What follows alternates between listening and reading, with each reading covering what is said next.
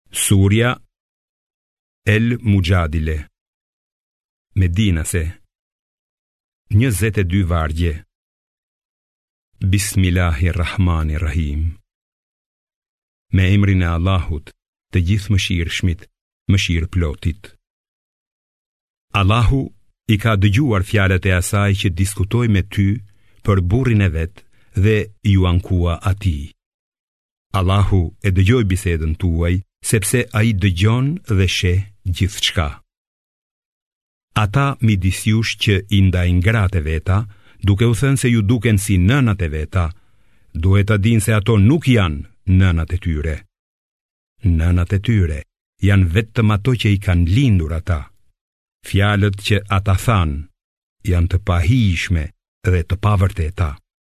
Megjithatë, Allahu është falës dhe shlyes i gabimeve.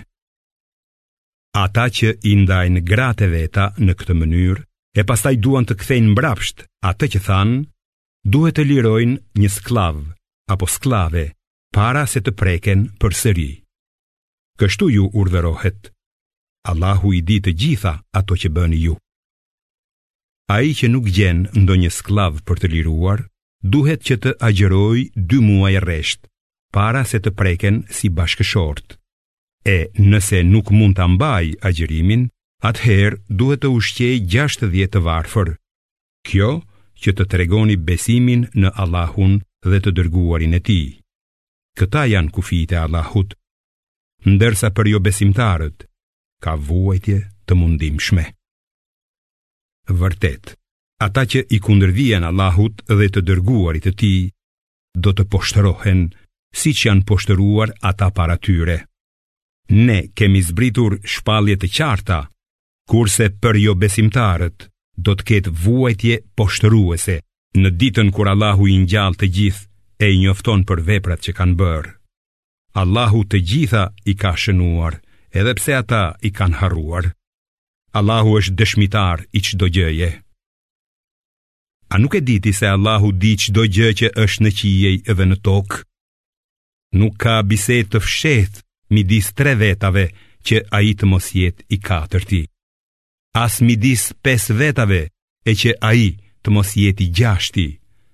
As kur janë më pak, as kur janë më shumë që ai të mos jetë me ata, kudo që të ndodhen. Ai në ditën e Kiametit do t'i njoftojë ata se çfarë kanë bërë, se me të vërtetë Allahu di çdo gjë. A nuk i sheh ata të cilët edhe pse iu është ndaluar të kurdisin fshehtësisht, kthehen tek ajo që u është ndaluar dhe kurdisin për gjynahe, armiqësi dhe mosbindje ndaj të dërguarit. Kur vijnë te ti, ata të përshëndesin me fjalë me të cilat Allahu nuk të përshëndet kurrë dhe thonë me vete, pse nuk na dënon Allahu për këtë që po flasim? Xhehenemi është një dënim i mjaftueshëm për ata. Në flakët e tij do të digjen, e sa vendbanim i tmerrshëm që është ai. O besimtarë, kur të bisedoni fshehtas mes jush, mos flisni për gjynahe, armiqësi dhe mosbindje ndaj të dërguarit, por bisedoni për mirësi dhe drejtësi. Kijeni frikë Allahun para të cilit do të tuboheni. Intrigat e fshehta vijnë vetëm nga djalli për t'i dëshpëruar besimtarët.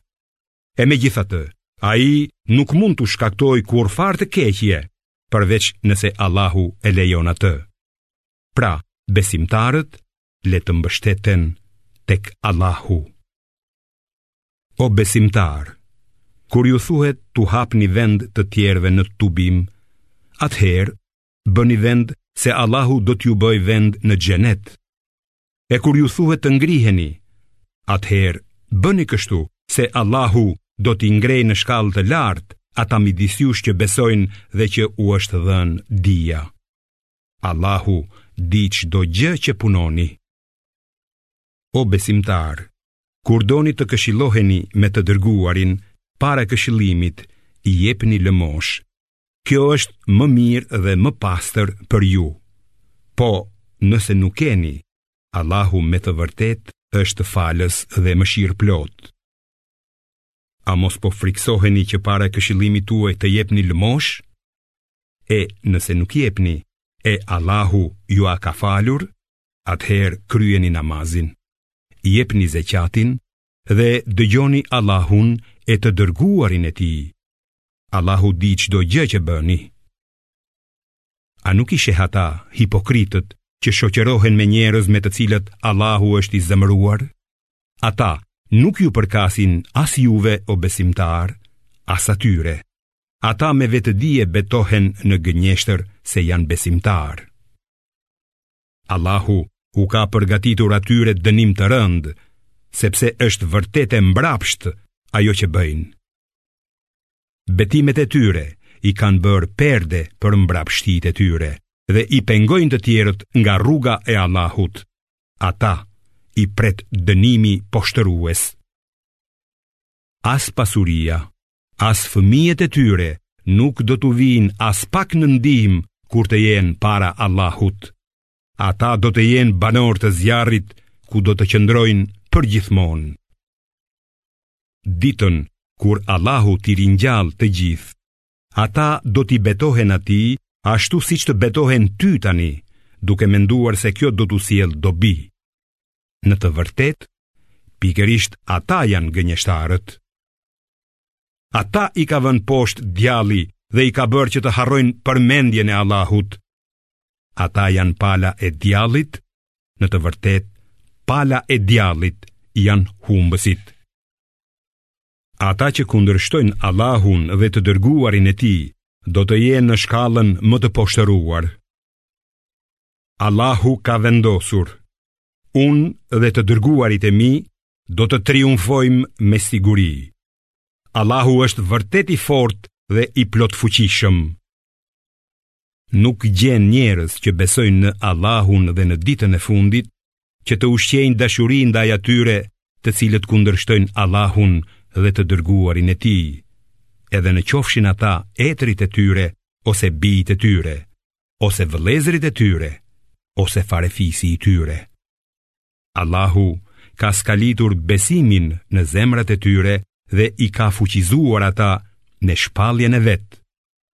Ai do t'i shpjerë ata në kopshte nëpër të cilat rrjedhin lumej e ku do të qëndrojnë përgjithmonë. Allahu është i kënaqur me ata, por edhe ata do të jenë të kënaqur me të. Ata janë pala e Allahut dhe vërtet që pala e Allahut do të jetë fituese.